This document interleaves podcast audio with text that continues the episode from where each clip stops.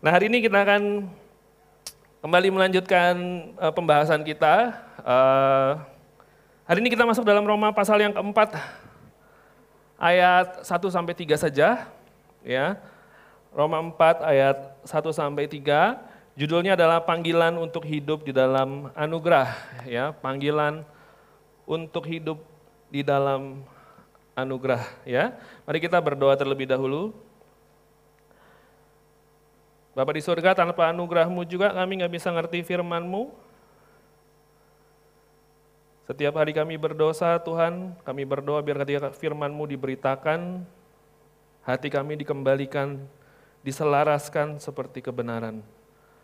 Kami berdoa Tuhan, biar roh hikmat dan wahyu Engkau berikan, supaya siapa pun kami Tuhan, meskipun kami masih sangat muda sekalipun, kami dapat mengerti kebenaran firman-Mu. Tanpa Engkau membukakannya, kami tidak akan pernah mengerti. Oleh sebab itu Tuhan, mari teman-teman kita meminta Tuhan, kita meminta roh kudus untuk membukakannya kepada kita apa yang ingin dia sampaikan.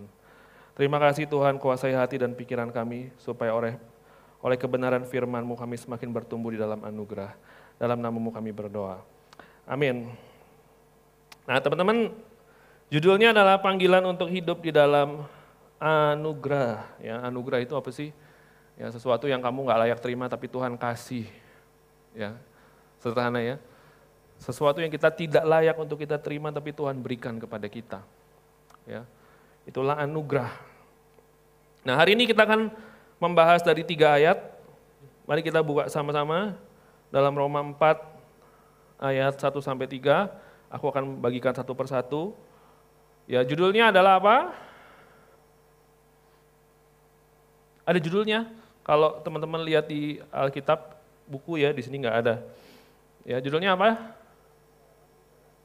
Abraham dibenarkan karena iman ya. Teman-teman dalam eh, minggu-minggu uh, sebelumnya kita telah belajar melihat betapa diri kita berdosa, tapi kita juga melihat anugerah Allah begitu besar membenarkan kehidupan kita. Nah hari ini dan tiga minggu ke depan, ya di minggu depan Kak David Basuki akan menjelaskan lagi tentang Abraham.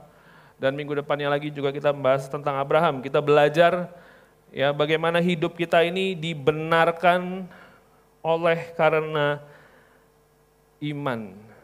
Ya, Nah teman-teman, aku nggak lagi mau ngajar bahwa kita hanya perlu iman, ya, kita dibenarkan oleh iman gitu, bukan hanya jadi kita bukan lagi mau ngomong hanya iman gitu, hanya iman, tetapi iman yang benar itu akan menghasilkan juga perbuatan, gitu ya. Jadi ini adalah satu paket. Jadi bukan lagi ngomong tentang iman, iman nggak ada jelasnya, nggak ada nggak ada kebenarannya, nggak ada prakteknya, bukan. Tapi kalau kita bicara iman yang benar, pasti kita akan punya kehidupan yang benar ya. Kalau kehidupan kita keliru, perbuatan-perbuatan kita keliru, ada ketidaktaatan, berarti kita belum bertumbuh dalam iman yang benar. Nah, makanya hari ini aku akan menjelaskan kepada teman-teman ya, bagaimana kita dibenarkan karena iman percaya kita. Nah, mari kita baca sama-sama ayatnya di Roma 4 ayat 1.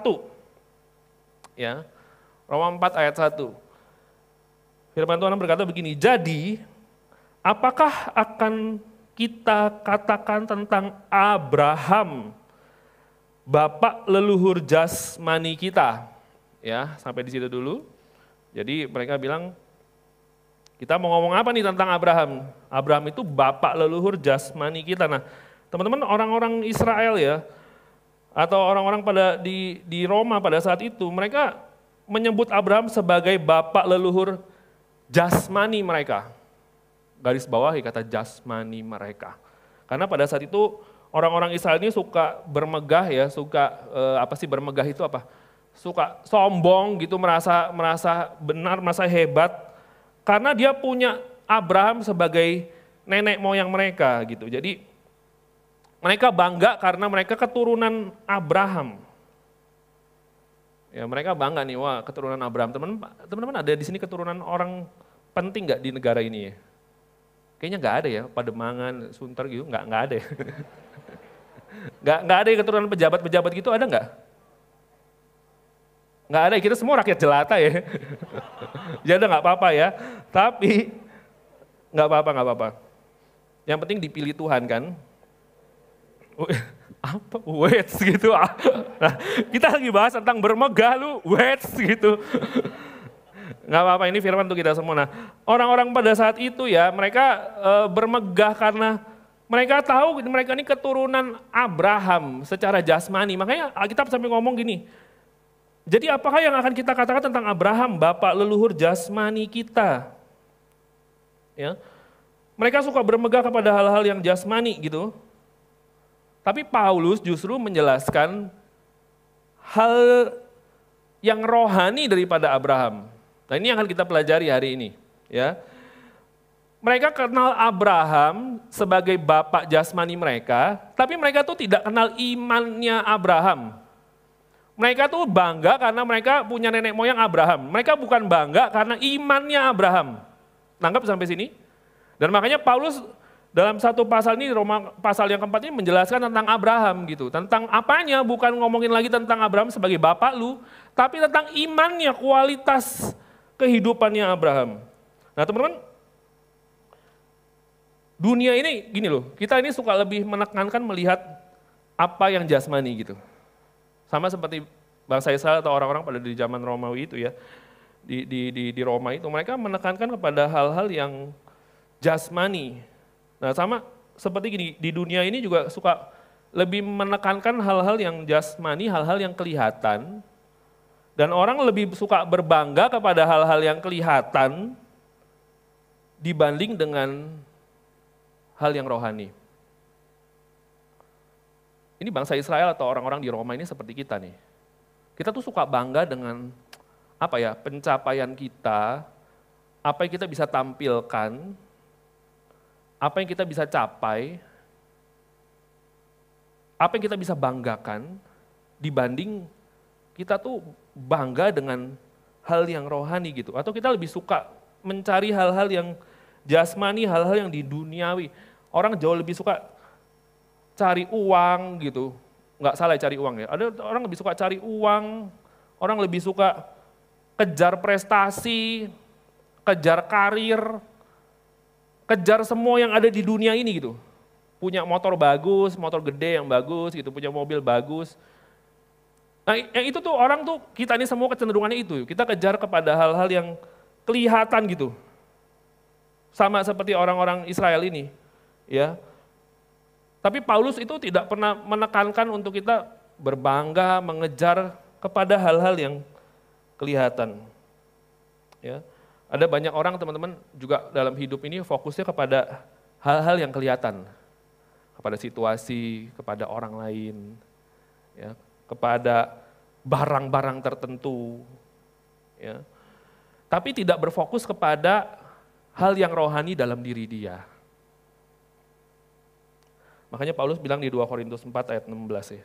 Ya kita baca sama-sama ya. 2, 2 Korintus 4 ayat 16. Boleh tolong bantu ditampilkan ya. 2 Korintus 4 ayat 16.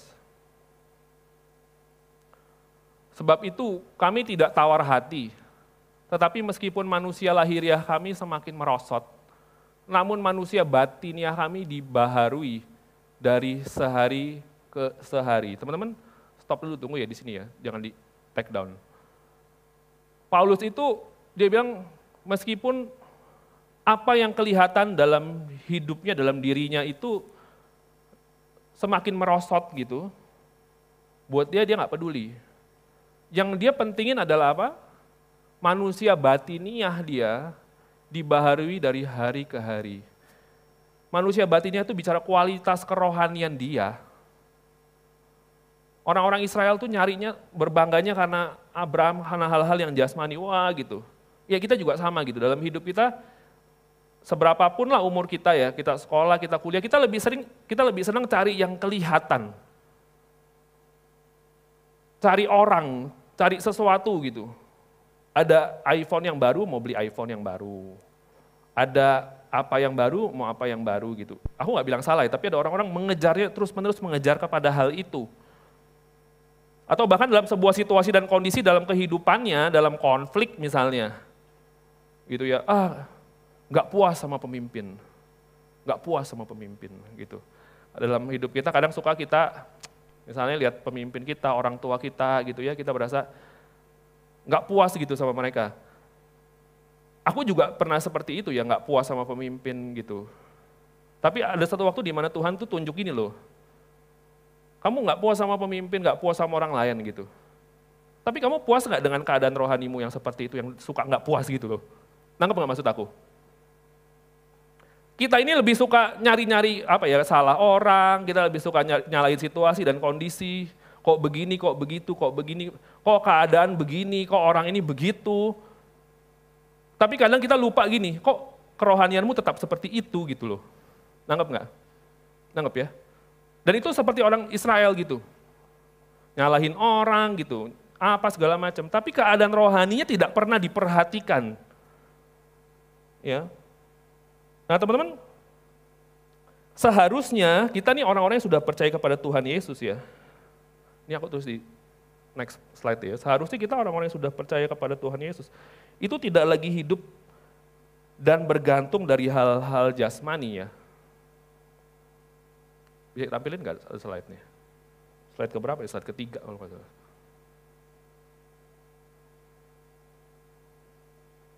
Berikutnya ya supaya teman-teman bisa capture atau bisa simpen gitu.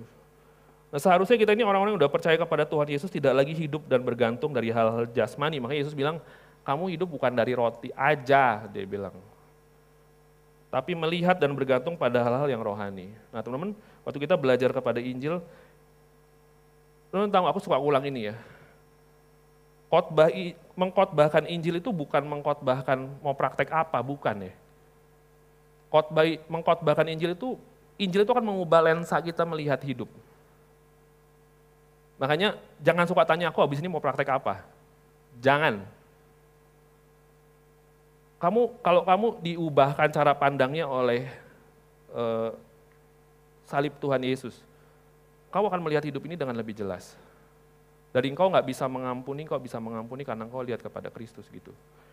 Teman-teman, Injil itu kasih kita lensa baru dalam mandang hidup.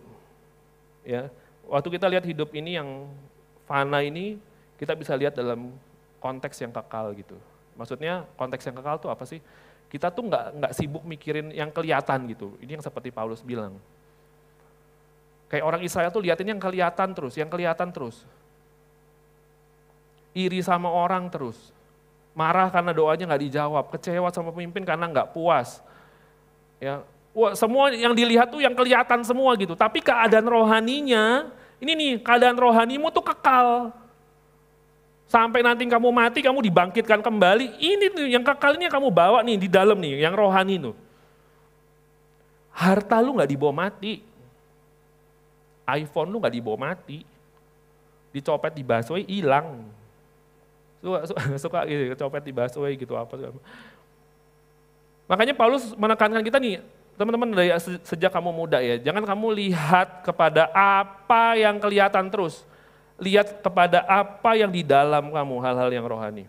Teman-teman satu ketika, aku dulu kuliah di Atmajaya, ada anak Atmajaya di sini. Oh ya ada ya. Aku dulu kuliah di Atmajaya angkatan 2010. 2010. Kemudian aku ingat aku eh, nilai-nilai aku cemerlang, jadi uh, jadi aku daftar jadi asisten dosen lagi itu. Nah, aku jadi asisten dosen statistika. Nah, waktu aku daftar ya, dulu, dulu kalau daftar jadi asisten dosen itu semua orang tuh semua orang tuh pengen jadi asisten dosen karena keren gitu. Nah, dulu aku nggak suka ikut UKM UKM, lebih keren jadi asisten dosen. Anak-anak UKM nongkrong di sekretariat nyanyi-nyanyi sampai malam atau apa, ya ampun gitu. Enggak deh gitu. Jadi gue memilih jadi gue jadi asisten dosen. Nah kita tahu tuh jadi asisten dosen kan nggak gampang.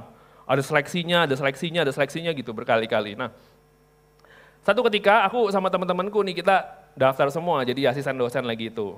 Tahun 2012. Waktu aku siapin surat-surat apa segala macam ya, Eh, berkas-berkas, aku masukin ke dosen. Terus eh, dosen aku akhirnya manggil kita gitu. Jadi calon-calon asisten ini dipanggil.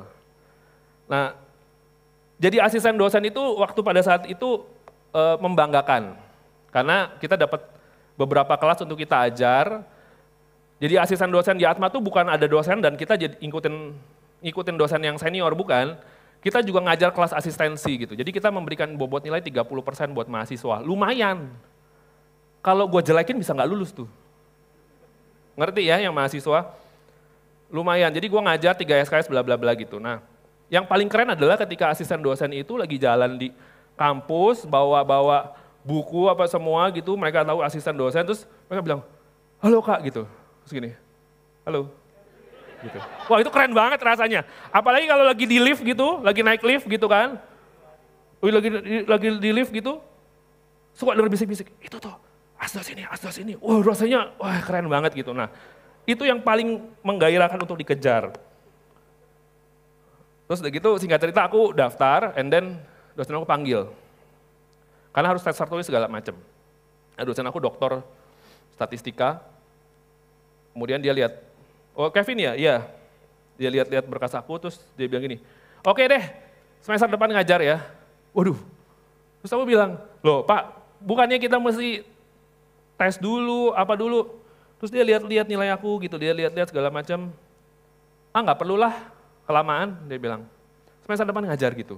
Wuh, senang banget ya gitu. Wah keluar dari ruangan dia gitu, aku kasih tau teman-teman, weh gue diterima jadi asisten dosen bla bla bla bla bla bla bla gitu. Teman-teman aku semua pada harus tes, nggak tahu kenapa tuh dosen tak cinta gak sama gue, tak suka atau kesambat atau apa gitu. Teman-teman harus tes tertulis apa. Nah akhirnya aku ngajar. Aku ngajar di asisten dosen, dua tahun aku ngajar. Dua tahun aku ngajar, kalau jalan dagunya agak naik sedikit itu. Gitu. Aku tuh kalau ngajar di kelas ya, aku ngajar statistika. Kalau ngajar di kelas, orang-orang tuh nggak suka sama sial kalau dapat asisten gua. Jadi kalau kalau KRS gitu tiba-tiba keluar asisten dosen Kevin Martin, waduh, aku tuh pelit nilai gitu. Jadi kalau kalau aku kasih ujian, satu ujian empat soal, satu soal nilainya 25. Kalau salah, aku kasih 5, kalau benar aku kasih 25. Jadi kalau salah 4 nilai dia 20 gitu. Jadi ngeselin kan gitu. Nah terus kalau orang itu ngobrol gitu di kelas gitu, aku suka tunjuk satu dua tiga kamu kamu keluar ya keluar, keluar gitu. Jadi sial ya dapat dapat asisten dosen gue tuh dulu kayaknya apes banget gitu.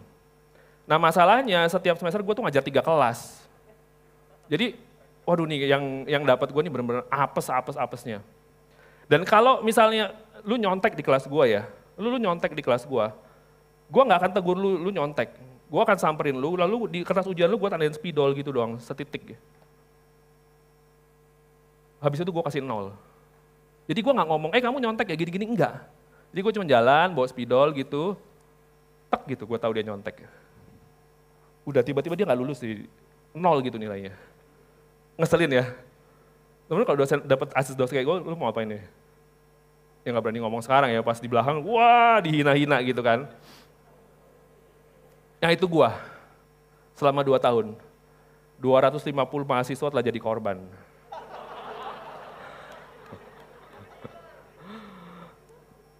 Sampai satu ketika, di akhir-akhir kuliah gua, gue ini perfeksionis gitu. Jadi ada satu mata kuliah gua dapat nilai C.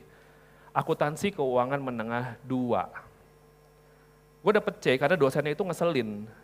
Ya dosennya ngeselin, gue merasa gue bisa terus nggak tahu kenapa gue dapet kena azab atau apa. Nilai gue C gitu keluar kan pernah dapet dosen kayak gitu ya. Nah karena gue ini perfeksionis ya, gue nggak mau lulus dengan ijazah ada nilai C gitu. Jadi gue ulang di semester gue yang terakhir. Waktu gue ulang di semester yang terakhir, gue ambil mata kuliah ini. Orang gue bisa kok, lagi itu dosen gue nih, gendeng nih. Pasti gue nilai C kan, gue ambil mata kuliah lagi. Tapi gue tuh lupa kalau kalau gue mengulang, gue itu ikut satu kelas dengan mahasiswa-mahasiswa gue. Bener nggak? Ya, ya udah, jadi di hari pertama kelas masuk gue masuk, gue duduk di paling belakang. Gue masih belum ngeh kalau itu adalah angkatan mahasiswa-mahasiswa yang gue ajar. Akhirnya dosennya masuk, terus dosennya mulai gini, oke kita absen ya, ini kelas mata kuliah akuntansi keuangan 2. Saya absen di sini yang paling tua Kevin Martin dia bilang.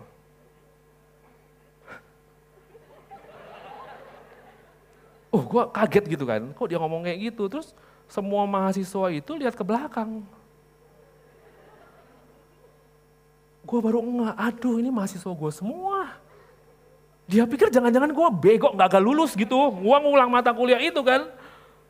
Waduh, terus orang begini, itu asdos, itu asdos, itu asdos gitu. Waduh, gue langsung salah nih gue ambil mata kuliah ini nih gitu kan. Terus dosen gue panggil gitu, Kevin Martin kenapa ngulang gitu? Waduh, gue malu banget jawabnya gitu kan kalau gue dapet C kan. Oh iya pak, nggak apa-apa gitu gini gini gini. Oke, udah akhirnya kelas berakhir minggu depannya kelas lagi dong. Waduh, gue yang biasa jalannya tuh ada ke atas gitu, tiba-tiba gue jalan. Gue ingat ya, gue nggak berani tuh masuk kelas itu. Jadi gue pas gue mau masuk kelas, udah ada mahasiswa gue semua gitu. Itu tuh korban-korban kejahatan gue semua gitu loh maksud gue. Gue tuh masuk itu gue tuh malu kalau gue tuh sebagai apa mahasiswa ngulang gitu loh. Jadi gue tuh sampai berdiri depan pintu gitu, gue tuh deg-degan gitu. Aduh gue gak usah lanjutin deh apa-apa ya gitu. Tapi udah bayar 3 SKS gitu kan. Aduh karena pride-nya tinggi banget, ya udah akhirnya masuk, masuk nunduk gitu loh. Duduk gitu langsung ke paling belakang. Nah, Berulang-ulang seperti itu. Itu di pertemuan pertama. Sampai satu ketika Tuhan itu bongkar hati gue gitu. Jadi di kelas itu gue gak bisa fokus. Keringet dingin semua gitu. Malu sekali rasanya. Kayak aduh nyesel banget, nyesel banget, nyesel banget. Tapi di waktu itu Tuhan tegur hati gue. Tuhan tuh tegur hati gue gini. Aku tuh berurusan sama hatimu yang sombong. Cara orang sombong pulih, direndahkan gitu. Supaya kepalanya nggak dongak lagi tapi nunduk. Dan itu kondisi hati kamu, mengerikan. Itu proses di mana gue benar-benar Tuhan seperti Tuhan remukan. Teman-teman, waktu gue siapkan firman ini, gue tuh teringat gitu bahwa Tuhan itu tidak pernah concern dengan apa yang di luar. Tuhan concern dengan apa yang di dalam hatimu. Israel tuh ngelihatnya apa yang kelihatan jasmani, apa yang jasmani terus. Kita juga suka lihat pemimpin kita salah, pemimpin kita nggak ideal, PKS kita, pembina kita kok begini, kok begitu. Lihat hatimu. Lihat kondisi rohanimu. Kok rohanimu seperti itu? Dan itu yang Tuhan mau mau ajarin itu Paulus mau ajar sama sama bangsa Israel, sama orang-orang di Roma gitu. Lu tahu Abraham tapi lu nggak kenal rohaninya, lu nggak kenal imannya. Nah itu pasal yang pertama. Mari kita lanjutkan teman-teman ya. Kalau ini, kalau kita tidak pernah concern sama pertumbuhan kita yang di dalam, ya, concernnya terus yang di luar, kecewa sama pemimpin, kecewa sama pemimpin, kecewa sama orang tua, kita nggak akan maju-maju. Ya, oke. Okay? Makanya Paulus concern sama apa yang di dalam hati kita gitu. Teman-teman, concernlah sama keadaan rohanimu. Kalau nggak pernah concern, kau nggak akan pernah maju. Ya, nah mari kita lanjutkan ya. Waktunya jalan terus. Di ayat yang kedua, mari kita baca sama-sama ya. Dia bilang gini, sebab jikalau Abraham dibenarkan karena perbuatannya, maka ia beroleh dasar untuk bermegah, tapi tidak di hadapan Allah. Jadi Paulus bilang kalau Abraham itu dibenarkan karena perbuatan bukan karena iman, maka dia punya dasar bermegah. Maka dia boleh bangga gitu kalau dia dibenarkan karena perbuatan. Orang itu kalau orang itu kalau merasa punya banyak achievement dalam hidupnya, merasa penting, bangga karena perbuatannya boleh. Tapi jangan bangga di hadapan Tuhan. Nah Paulus mau ngomong kayak gitu. Paulus tuh mau ngomong gini, perbuatan lu tuh gak laku di hadapan Tuhan. Gitu, ngerti ya? Karena Tuhan gak concern dengan apa pencapaian-pencapaian lu, Tuhan concern dengan kerohanian lu. Nah, makanya teman-teman hari ini, izinkan di awal khotbah ini, baru di awal khotbah ini, kita Tuhan ini bongkar hati kita ya. Seberapa banyak kita ini suka bermegah ini karena perbuatan-perbuatan atau pencapaian-pencapaian kita. Teman-teman, 10 tahun yang lalu ya, 12 tahun yang lalu, aku di Toga Kak, Jojo masih jadi gembala area sama Kak Moses gitu. Aku tuh paling gak suka kalau disuruh jadi regu kerja. Ngangkat-ngangkat gitu, ngangkat-ngangkat barang. Nah dulu kita ibadah, aku jadi regu kerja. Dulu kita harus buang air AC, bener gak? Ingat ya Kak Jojo ya, kita suruh buang air AC, Kak Jojo masih di gembala area. Nah, aku tuh suka lupa buang air AC gitu. Sampai akhir saya luber, lalu aku dipanggil sama koordinator regu kerja, PIC-nya. Aku lagi itu belum jadi kembali, aku masih, masih jadi pengawas area lagi itu. Eh Kevin, Berulang kali gue ditegur ya. Mesti ada inisiatif dong. Kalau air AC-nya penuh, dibuang. So aku bilang, gue nggak tahu air AC penuh. Makanya inisiatif dicek. Berulang kali gitu, inisiatif, inisiatif. Sampai satu ketika gue dipanggil. Lagi itu ada beberapa pemimpin lain, kayaknya Kak Jojo nggak ada. Iya nih diaduin, jadi gue cerita diaduin sama PIC-nya ke Gembala Area gitu. Iya, uh, Kevin ini kurang inisiatif di Regu Kerja. Terus aku bilang gini, saya itu nggak inisiatifnya di mana? Iya contohnya air AC nggak dibuang, sampah nggak diinisiatif dibuang. Terus aku bilang gini, ada tertulisnya nggak sih air AC harus dibuang jam berapa atau kapan gitu? Mereka bilang gini, nggak ada, inisiatif aja. Terus aku bilang gini, Kak Moses, Kak Mega, dan para PIC, Musa tuh kasih hukum Taurat ya, supaya tahu benar atau salah yang mana. Kalau saya nggak pernah dikasih tahu kapan harus buang AC, harus ngomong inisiatif, inisiatif, inisiatif, saya jatuh melulu pasti. Ngerti nggak maksud gue? Terus pemimpin eh, tuh udah gini, geleng-geleng gitu. Aku bilang gini, orang kenal dosa karena tahu hukum Taurat yang tertulis. Saya ini kalau nggak di kalau nggak buang air AC lalu dibilang saya nggak inisiatif, saya tuh nggak salah. Waduh, udah geleng-geleng gitu. Terus PIC-nya karena karena nggak ngerti, maksudnya karena nggak gitu ngerti Alkitab, ya udah deh gitu, ya udahlah bawa bubar lah gitu. Terus abis selesai itu dipanggil gue sama gembala area. Kamu, aduh Kevin dia bilang. Terus Kak Mega bilang gini, PA sih disuruh jadi ragu kerja, pengawas area suruh jadi ragu kerja gitu. Terus Kak Moses bilang gini, kamu kenapa gitu? So aku, aku ingat aku bilang gini, aku kan pengawas area kak, aku kan pemimpin area gitu. Kamu segini, emangnya kenapa? Dia bilang gitu kan. Terus apa urusannya? Gue pikir iya ya gitu kan. Terus dia bilang gini, buang sampah, buang sampah, buang AC, buang air AC, nggak peduli pengawas area atau bukan gitu kan. Habis itu aku pulang gitu, aku renung gitu, suruh tulis ayat di keras folio.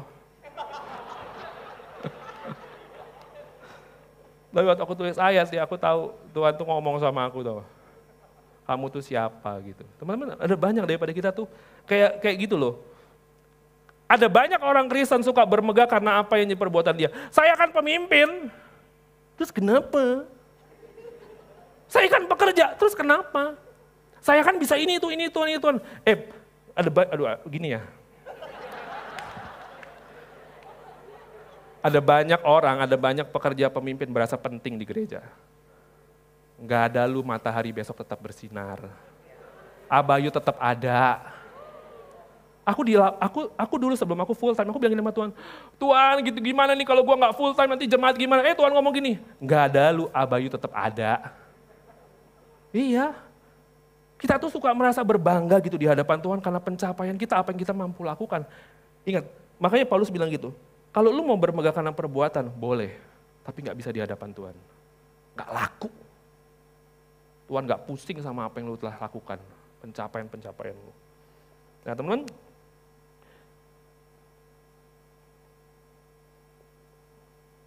kalau kita mengerti apa yang Yesus buat dalam hidup kita ya, kalau kita ngerti Injil ya, kita akan tahu bahwa semua hal dalam hidup kita itu hanya karena anugerah Tuhan. Hanya karena anugerah Tuhan. Paulus bilang gini, kalau kita tuh mau bandingkan, kalau kita baca di ayat 2 tadi ya, sebab jikalau Abraham dibenarkan karena perbuatannya, maka ia boleh dasar untuk bermegah tapi tidak di hadapan Allah gitu. Hidup kita itu sebetulnya bukan perbandingan dengan orang lain, teman-teman. Jangan suka bandingin hidup kita dengan orang lain. Bandingkan hidupmu dengan Allah. Ngerti nggak maksudnya? Paulus tuh mau ngomongin maksudnya, jangan suka bandingin diri dengan orang lain gitu. Orang bisa achieve apa, kita nggak bisa achieve apa. Atau kadang orang salah, Tuhan pemimpin saya salah, teman komsel saya salah gitu. Jangan compare gitu ya. Paulus mau ngomong gini, jangan lihat orang gitu. Lihat kamu di hadapan Tuhan. Bener nggak kamu? Nah itu maksudnya. Nah teman-teman, ini dua ayat yang pertama ini lagi mau mematikan kebanggaan kita karena perbuatan kita, karena apa yang kita bisa lakukan. Dan kita mau dibawa untuk melihat bahwa semua hidup kita adalah anugerah. Nah teman-teman, tokoh yang dibahas di dalam ayat ini adalah Abraham. Ya. Abraham. Nah, mari kita lihat bersama-sama, teman-teman. Abraham itu adalah gini, Abraham itu ada dalam Kejadian pasal 12. Tapi sebelum Kejadian pasal 12, Kejadian pasal 11, betul ya? Teman-teman tahu nggak? Kejadian pasal 11 itu tentang apa? Kejadian pasal 11 itu tentang Menara Babel. Kejadian pasal 12 tentang Abraham. Nah, di di dalam kisah ini sebetulnya ada ada pesan Tuhan. Ada pesan Tuhan. Nah, mari kita baca dulu teman-teman. Teman tahu kisah Menara Babel ya? Nah, kita baca dulu Kejadian 11 ayat 1 sampai 9. Di depan ada ya. Juga kata mereka, udah ketemu? Marilah kita dirikan bagi kita sebuah kota dengan sebuah menara yang puncaknya sampai ke langit. Dan marilah kita cari nama, cari nama, supaya kita jangan terserak ke seluruh bumi. Ya mereka mau bangun menara tingginya sampai ke langit tuh, coba lo bayangin ya. Sup, mau, mau mencari apa? Mencari sebuah achievement, sebuah pencapaian. Lalu turunlah Tuhan untuk melihat kota dan menara yang didirikan oleh anak-anak manusia itu. Dan Tuhan berfirman, mereka ini sesuatu bangsa dengan satu bahasa untuk semuanya. Ini barulah permulaan usaha mereka, mulai dari sekarang apa pun juga yang mereka rencanakan tidak ada yang tidak akan dapat terlaksana. Baiklah kita turun dan mengacau balaukan di sana bahasa mereka sehingga mereka tidak mengerti lagi bahasa masing-masing. Demikian mereka diserahkan Tuhan dari situ ke seluruh bumi dan mereka berhenti mendirikan kota itu. Teman-teman tahu kisah Menara Babel ini sebuah usaha orang-orang untuk mencari nama, untuk mencari sebuah pencapaian, untuk cari identitas gitu. Nah aku tulis di sini, coba diklik lagi ya, tentang Menara Babel. Ini, ini mereka tentang hidup berusaha dengan kekuatan mereka sendiri. Mereka cari identitas dari apa yang mereka perbuat untuk punya perkenanan Tuhan gitu. Mereka bikin menara tinggi sampai ke atas, mereka mau mencapainya. Ini juga menceritakan kehidupan dalam dunia dan kegelapan nih, kisah menara Babel ini. Tapi yang paling utama kisah menara Babel itu adalah orang-orang yang pikir tuh mau achieve sesuatu gitu. Lu bayangin kalau mereka bisa sampai bangun menara sampai ke langit, bangganya setengah mati, betul ya? Dan mereka bisa bilang gini, aku bisa menggapai Tuhan. Tapi kita tahu bahwa kisah menara Babel itu akhirnya itu di, dihancurkan Tuhan karena Tuhan nggak mau orang tuh menggapai Allah, nggak mau. Ya, orang nggak mau, Tuhan itu tidak mau orang itu berusaha mencapai sesuatu gitu ya, maksudnya uh, berusaha keras, berambisi gitu. Tuhan tuh nggak mau kayak gitu. Makanya kalau kita lihat dalam itu kejadian 11. Nah kalau teman-teman masuk ke dalam kejadian 12 tentang Abraham. Mari kita baca teman-teman Abraham. Kejadian 12 ayat 1 sampai 2. Ini aku nggak bahas lama ya, aku cuma bahas sekilas dong, supaya teman-teman tahu. Kejadian 12 ayat 1, berfirmanlah Tuhan kepada Abram. Pergilah dari negerimu dan dari sanak saudaramu dan dari rumah bapamu ini ke negeri yang akan kutunjukkan kepadamu. Aku akan membuat engkau menjadi bangsa yang besar dan memberkati engkau serta membuat namamu masyur dan engkau akan menjadi berkat. Teman-teman lihat ada sebuah perbandingan gak? Orang-orang di menara Babel itu mencari Allah gitu, pakai kekuatan mereka, mereka bangun menara tinggi sekali gitu. Tapi Tuhan itu, tau gak, Tuhan kita itu bukan Tuhan yang, Tuhan kita itu Tuhan yang turun gunung gitu. Dan itulah anugerah. Makanya Injil itu selalu bicara tentang bukan apa yang kamu perbuat gitu. Tapi apa yang jadi pemberian Tuhan dalam hidupmu. Abraham itu tidak mengejar ke atas. Abraham itu dipanggil. Karena Tuhan mau ngomong gini, bukan karena usahamu. Makanya tadi lagunya kan begitu kan, bukan karena usahaku dan perbuatanku. Ini ayat ini mau ngomong begitu. Kalau kita bicara tentang anugerah Tuhan, itu tuh bukan tentang usahamu, tapi pemberian Allah, itu anugerah. Nah, tapi kita mesti tahu teman-teman, Paulus ngebahas tentang Abraham, bapak orang beriman, bapak orang beriman. Teman-teman tahu nggak siapa itu Abraham? Abraham itu dipanggil Tuhan bukan karena dia bapak orang beriman. Abraham itu dipanggil Tuhan, tahu nggak siapa dia? Abraham itu penyembah berhala. Mari kita lihat ayatnya. aku ini di, di kisah Rasul ya, sorry ya, aku nggak tampilin ayatnya. Berkatalah Yosua kepada seluruh bangsa itu, beginilah firman Tuhan Allah Israel, dahulu kala di seberang sungai Efrat, di situlah diam nenek moyangmu, yakni Terah, ayah Abraham dan ayah Nahor, dan mereka beribadah kepada Allah lain. Orang pikir gini, wih Abraham ya bapak orang beriman ya, hebat ya, dia dipilih sama Tuhan tuh karena imannya tuh kuat. Bukan ya, Abraham itu Gak usah ngomong Abraham itu bapak orang beriman. Abraham itu adalah penyembah berhala. Dia itu tidak percaya kepada Tuhan. Tapi di dalam anugerah Tuhan, Tuhan panggil Abraham untuk jadi bapak orang beriman. Waktu Tuhan panggil Abraham, dia panggil waktu Abraham itu berdosa sebagai penyembah berhala. Kamu bayangin, orang penyembah berhala diubahkan Tuhan jadi disebut bapak orang beriman. Jadi hari ini nggak tahu ya teman-teman seberapa banyak teman-teman tahu ya Jangan-jangan kita tahunya gini, wah Abraham nih orang hebat nih beriman segala macam. Teman-teman baca kisah Abraham, hidupnya amburadul kacau semua. Tapi waktu kita lihat tentang Abraham, dia adalah penyembah berhala. Tuhan turun gunung. Tuhan sendiri yang panggil Abraham. Sini kamu, kamu akan diberkati, dia bilang. Teman-teman itulah itulah Injil ya sebetulnya. Jangan bermegah karena perbuatan, semua adalah anugerah Tuhan dalam hidupmu. Abraham jadi bapak orang beriman. Sebelumnya dia penyembah berhala, itu juga karena pilihan Tuhan buat Abraham. Nah makanya, mari kita lihat, boleh diklik lagi satu lagi. Inilah teman-teman kehidupan yang Tuhan rindukan ya. Bukan kita mencapai sesuatu ya, berambisi mencapai sesuatu ya. Kayak orang Aku nggak bilang prestasi semua itu hal yang buruk ya. Kalau udah ada ambisi dan kita menca pengen mencapai sesuatu gitu, kerja keras semua kita halalkan cara untuk kita capai sesuatu itu bukan yang Tuhan inginkan. Tuhan mau kita hidup dalam anugerahnya. Makanya ini sebuah kontras kejadian pasal 11 ini, dan ini adalah kejadian pasal 12. Lu cari ke atas, gua robohin lu. Supaya lu tahu hidup lu bukan tentang lu, tentang gua. Makanya kejadian 12 itu kontras. Abraham tuh nggak ngapa-ngapain. Abraham tuh penyembah berhala, tapi dipanggil sama Tuhan untuk diberkati oleh Tuhan. Supaya supaya Tuhan mau ngomong sama Abraham, Tuhan mau ngomong sama kita. Itu anugerah Tuhan buat hidup kita. Amin. Nah ini inilah makanya Paulus ngebahas tentang Abraham. Nanti minggu depan Kak David Basuki lanjutkan lebih dalam lagi, teman-teman. Nah makanya Teman tahu nggak bahwa hidup kita adalah anugerah Tuhan? Amin. Kalau hari ini teman-teman ada bisa menikmati hal yang baik, itu anugerah Tuhan. Hari ini kau punya keluarga yang baik, itu anugerah Tuhan. Hari ini kau bisa sekolah, teman-teman aku kuliah ya, aduh kadang aku tuh pengen nyerah atau enggak.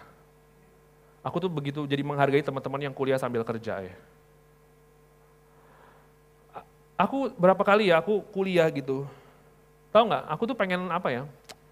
Udah deh biarin deh dosen gue. Dosen-dosen gue tuh pendeta-pendeta semua gitu. Jadi dia masuk itu nggak pernah telat. Nggak pernah telat lu main kalau dosen-dosen di Atma tuh apa suka telat tuh masuk kadang suka bolos diam-diam. Dosen-dosenku pendeta semua nggak pernah telat dan keluar pasti jauh lebih lama gitu. Jadi dan dan mereka ngomong dan kasih 10 menit pun nggak istirahat. Jadi si Taya tahu kadang gue sambil diam-diam gue makan gitu nggak ada waktu gitu. Kadang capek apa segala macam. Nah berulang kali, aku tuh pengen apa ya? Ah udahlah gitu, yang penting gue lulus aja deh, udah gitu. Gue lulus aja. Nggak, nggak, nggak belajar ya udahlah gitu, yang penting lulus. Tapi Tuhan ingatin aku tuh gini loh. Lu tahu nggak sih itu ini tuh anugerah gitu. Ini tuh anugerah. Itu yang buat aku kadang, iya ya gitu Tuhan. Kita nih suka belajar aja susah. Padahal ada orang banyak di luar sana nggak bisa belajar. Itu tuh anugerah buat hidup kita gitu.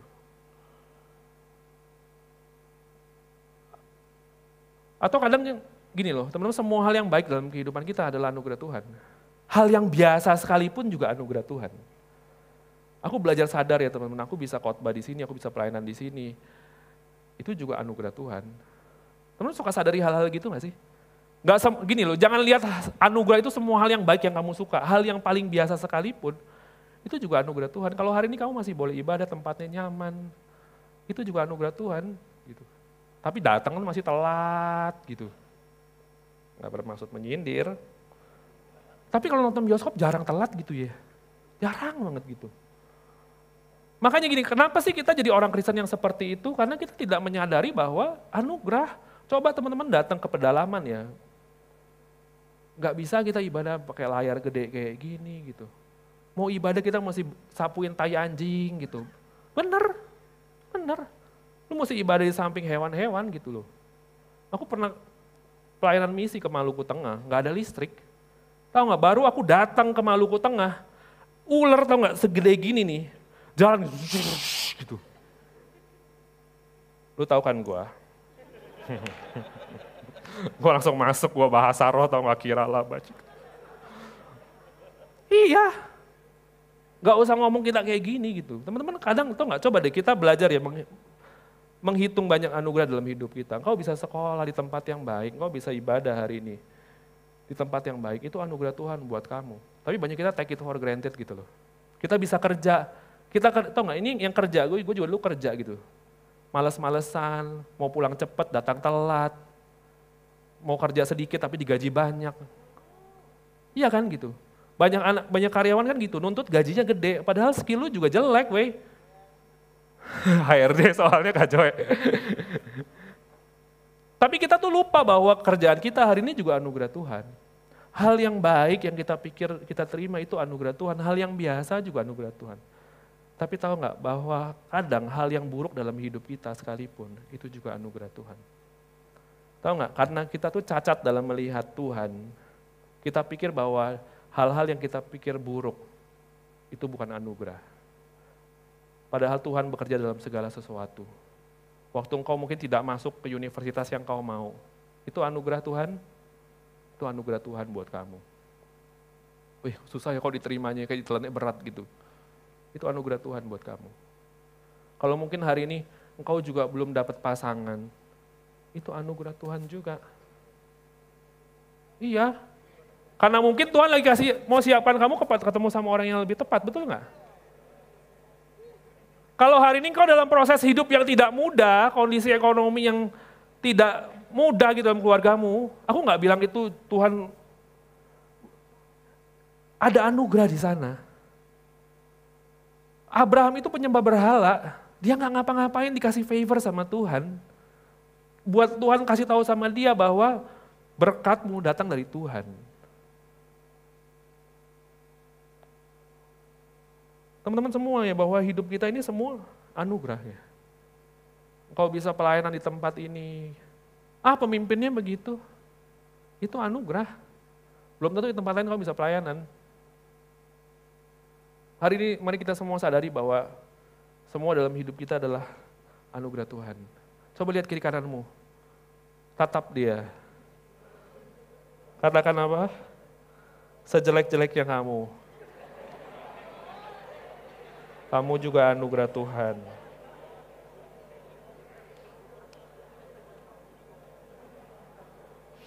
Mari baca ayat yang ketiga yang terakhir, aku sudah selesai.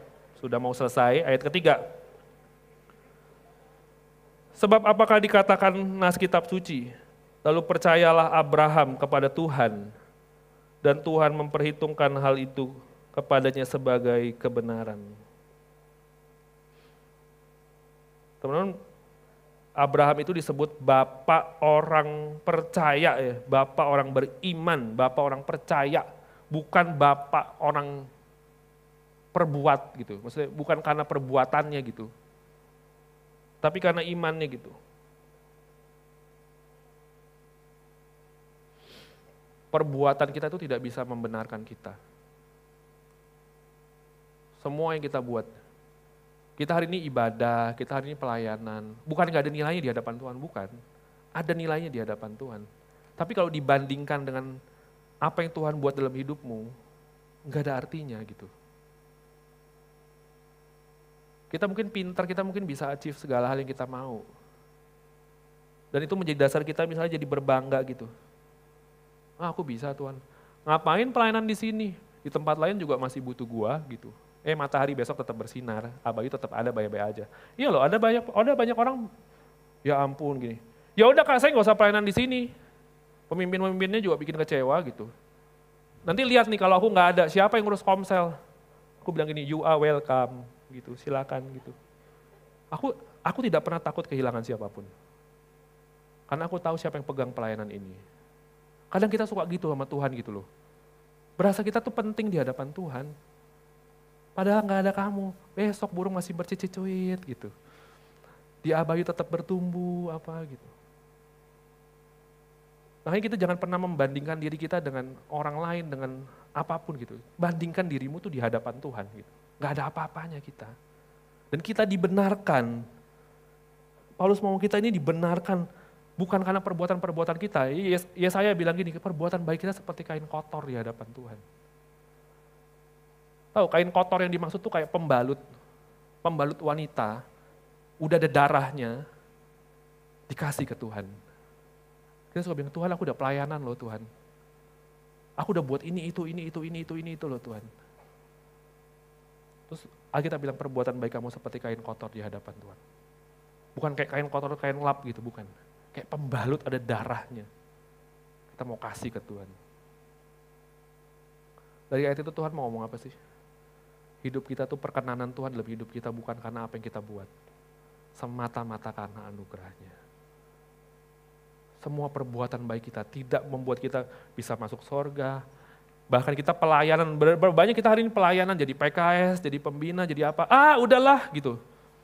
Apa ya, biasa lah gitu. Kalau kita dikecewakan pemimpin, kita ngambek, kita marah, kita mau pergi, kita mau apa gitu. Padahal kita tahu kita bisa melayani juga karena darah, darah Yesus mengalir buat kita. Iya. Teman-teman tidak ada satu perbuatan baik kita pun dapat memberikan pembenaran atau perkenanan Tuhan buat hidup kita. Ya teman-teman, khotbah aku hari ini mau kasih tahu kita, kita tuh nggak ada apa-apanya di hadapan Tuhan. Semua hal dalam hidup kita itu anugerah. Semuanya.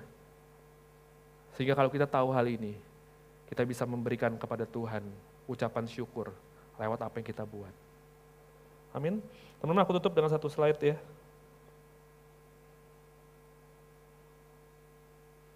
Kita itu dibenarkan hanya melalui iman percaya kita pada Yesus. Yang memberikan nyawanya dengan mati di kayu salib bukan karena perbuatan baik kita. Kehidupan kekristenan kita sehari-hari seharusnya juga kita jalani dengan bersandar pada pemberian atau anugerah Tuhan, bukan pada kekuatan kita untuk mencapai segala sesuatu. Teman-teman, Tuhan itu pemberi. Amin. Mungkin kau hari ini lagi menanti banyak hal ya kok teman-teman yang lain sudah punya jodoh, saya belum ya. Ya itu juga anugerah dalam hidupmu.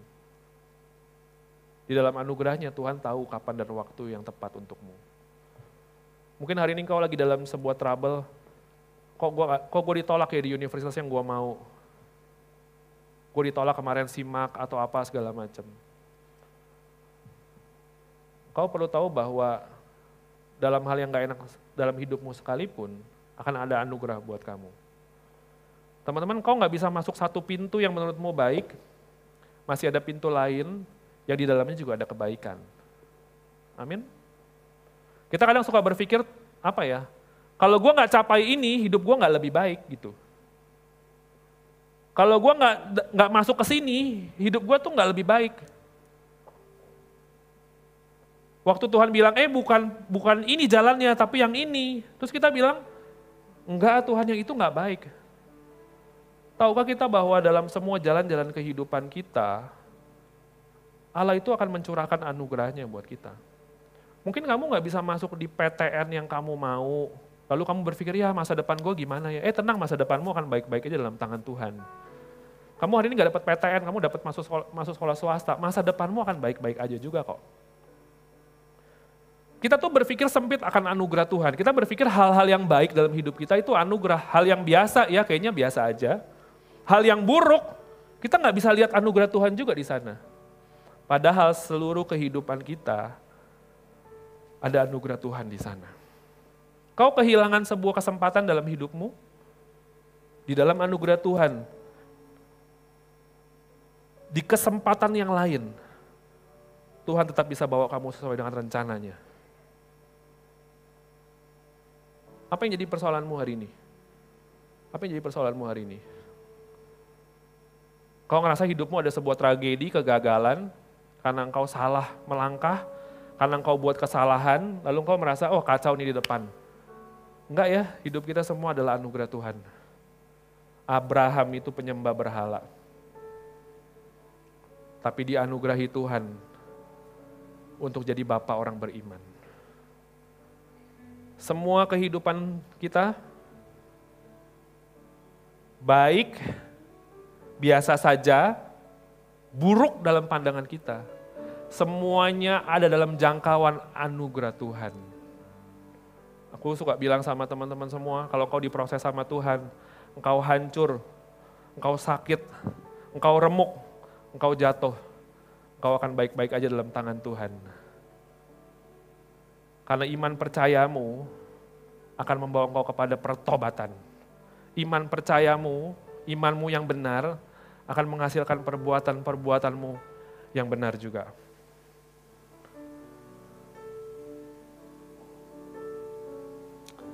Satu pertanyaan bisa teman-teman foto ya, untuk kau bawa dalam saat teduhmu. Aplikasi firman hari ini. Ya. Hal apakah? Karena Allah, karena Allah adalah pemberi, dia murah hati, ya pasti akan melimpahkan kebaikannya dalam kehidupan kita. Aku nggak bilang kebaikan menurut Tuhan itu adalah kebaikan menurutmu loh ya. Jangan bilang semua doamu dijawab adalah kebaikan, kalau doamu nggak dijawab itu adalah bukan kebaikan, bukan. Kebaikan menurut Tuhan, dia akan ubahkan hidupmu semakin serupa dengan dia. Hal apakah yang akan membuat kita tidak dapat melihat anugerah Tuhan dalam hal baik? Jangan-jangan kau terima banyak hal baik, tapi kau juga nggak bisa lihat itu anugerah Tuhan. Kau terima orang tua yang baik, kau ngeluh terus. Gila lu. Lu dididik, dikasih makan, ditumbuhin di keluarga. Nggak bisa itu anugerah Tuhan. Kau terima komunitas-komunitas yang baik, tuntut sana sini, sana sini, sana sini. Itu anugerah Tuhan buat hidupmu. Apa engkau bisa melihat hal yang biasa dalam hidupmu? Itu juga anugerah Tuhan. Bisa lihat hal yang biasa dalam hidupmu anugerah Tuhan? Pelayananmu biasa Ah, sekolah biasa, semua juga sekolah. Yaitu anugerah Tuhan dalam hidupmu.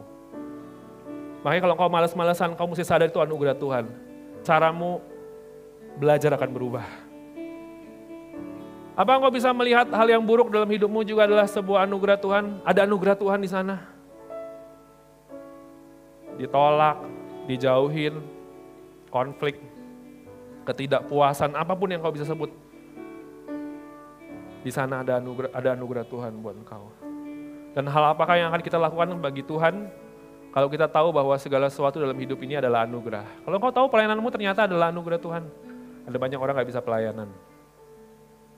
Aku ya, teman-teman. Aku berapa kali aku set jadwal khotbah. Kalau Tuhan gak mau aku khotbah, Tuhan akan buat aku tetap gak khotbah. Waktu aku covid tuh jadwal jadwal khotbah aku tuh bajak tuh waktu aku covid Seakan-akan tiba-tiba lu harus diam di kamar. Gue tuh mau ngomong sama lu. Kalau engkau hari ini masih bisa pelayanan, Tuhan mau kau pelayanan. Itu anugerah. Hal bagaimana kita bisa lihat kehidupan kita teman-teman dari perspektif anugerah. Bisa kita bersyukur karena dia itu baik. Amin. Minggu depan kita akan belajar bahwa anugerah akan membawa kita kepada ketaatan yang lebih lagi. Mari kita renungkan pertanyaan ini sembari nyanyikan lagu ini ya. Terima kasih Tuhan. Terima kasih Tuhan.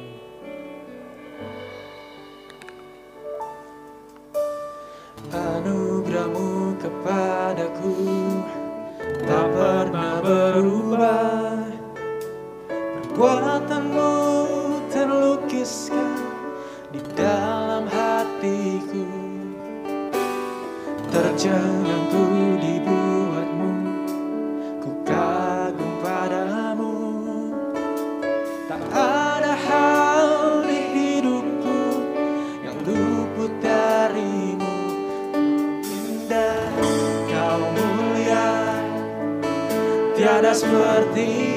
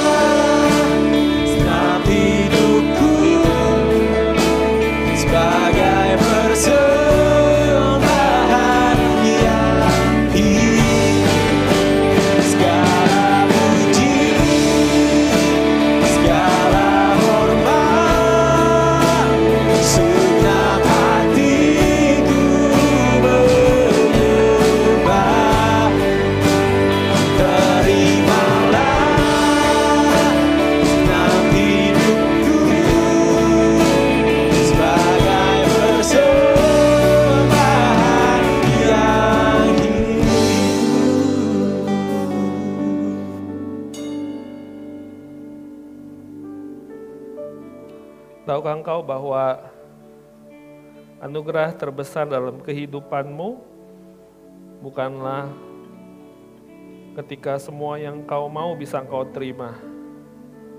Anugerah terbesar dalam hidupmu bukanlah kau sakit menjadi sembuh, doa-doamu dijawab, kau berprestasi, dan semua hal yang kau bisa sebutkan.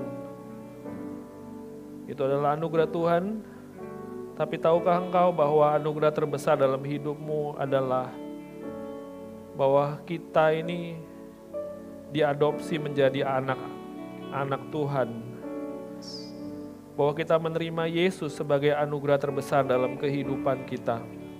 Kau mungkin bisa tidak memiliki segala hal, tapi engkau telah menerima anugerah yang besar yaitu Yesus.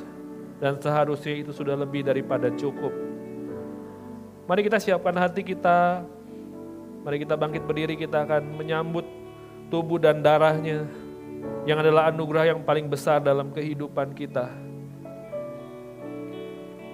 Teman-teman mungkin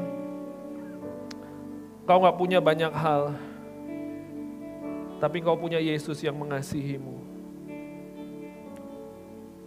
Adakah kau belum belum menerima roti dan anggur? Boleh angkat tanganmu supaya kami melayani. Silakan teman-teman Asyar. Mari tetap angkat tanganmu yang belum menerima roti dan anggur. Kau yang sudah menerima boleh kau coba mulai buka ya. Kalau kau nggak bisa, bisa minta temanmu kiri dan kanan. Adakah yang belum menerima roti anggur boleh tetap angkat tangan. Kami akan menolong teman-teman. Kau semua boleh mengambil roti dan anggur ini asal engkau percaya kepada Tuhan Yesus dan pengorbanannya. Apabila engkau tidak percaya, engkau tidak perlu mengambilnya. Sudah dapat semuanya? Mari kita datang kepada Tuhan. Mari kita katakan kepada Tuhan, Tuhan terima kasih. Anugerah terbesar dalam hidup kami adalah Yesus yang mati bagi kami. Bukan usaha kami mencari Engkau Tuhan, tapi Engkau yang mencari dan mendapatkan kami. Ada banyak kami bermegah karena apa yang mampu kami capai, tapi malam hari ini kami menyadari bahwa semuanya adalah pemberian Tuhan. Entah itu hal yang kami lihat baik, biasa saja bahkan buruk, semua di dalamnya ada anugerah Tuhan bagi hidup kami. Di setiap momen dalam hidup kami ada anugerah Tuhan karena anugerah Tuhan bukanlah sebuah barang, tapi seorang pribadi yaitu Yesus. Yesus yang telah mendapatkan kami. Yesus yang tidak akan pernah melepaskan dan meninggalkan kami. Untuk itulah kami bersyukur kepadamu Tuhan. Teman-teman mari kita angkat roti di tangan kanan kita.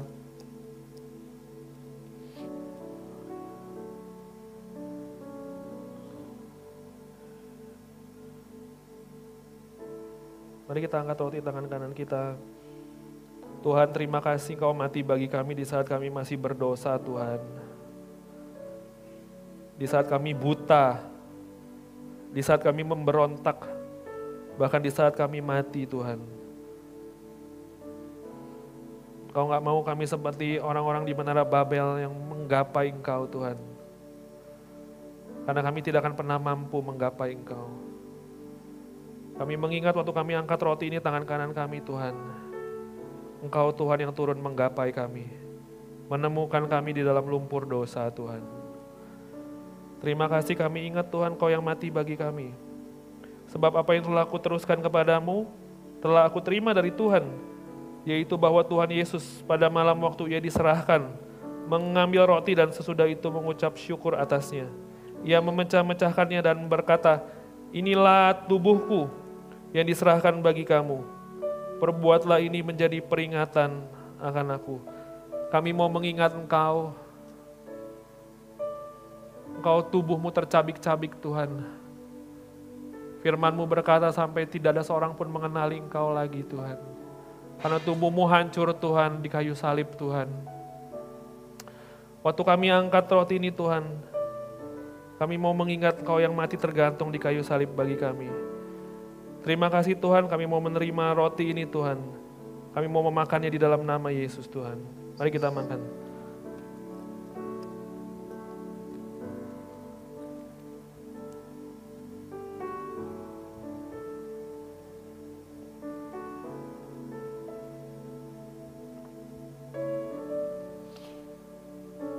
Mari kita angkat anggur ini tangan kanan kita.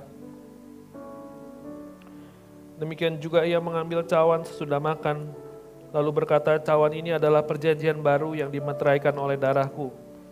Perbuatlah ini setiap kali kamu meminumnya, menjadi peringatan akan aku. Sebab setiap kali kamu makan roti ini dan minum cawan ini, kamu memberitakan kematian Tuhan sampai ia datang. Tuhan, kami mau mengingat darahmu tertumpah Tuhan.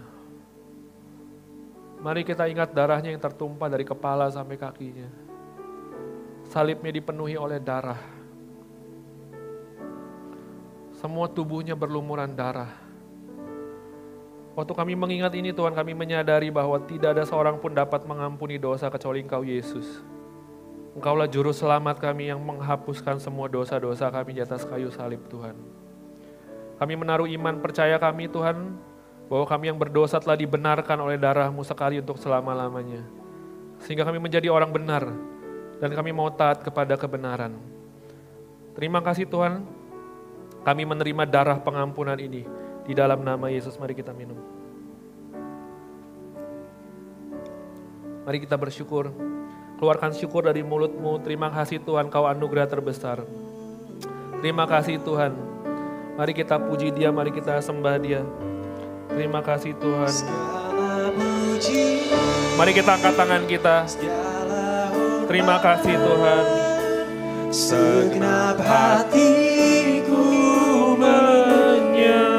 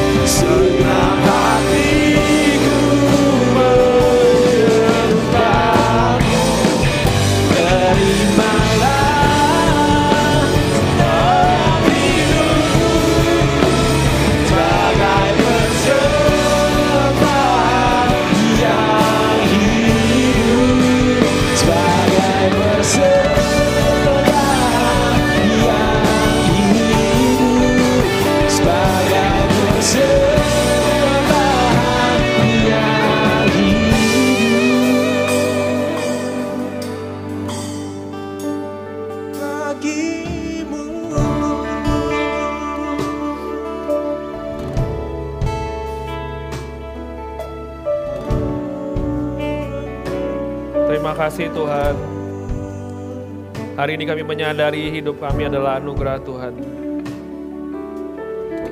Di saat kemenangan kami, itu adalah anugerah Tuhan. Bahkan waktu kami jatuh Tuhan, kami tidak pernah lepas daripada jangkauan anugerah-Mu. Kami bersyukur di atas kayu salib Engkau melimpahi anugerah kepada hidup kami. Bukan sesuatu, tapi seorang pribadi yang bernama Yesus. Terima kasih Tuhan kami memiliki Engkau, itu adalah anugerah terbesar. Dan karena kami tahu kami memiliki Engkau, kami tidak akan takut menjalani kehidupan ini. Kami akan berikan hidup kami, ketaatan kami sepenuhnya bagimu Tuhan. Terima kasih Tuhan kami bersyukur. Dalam nama Yesus kami telah berdoa. Amin.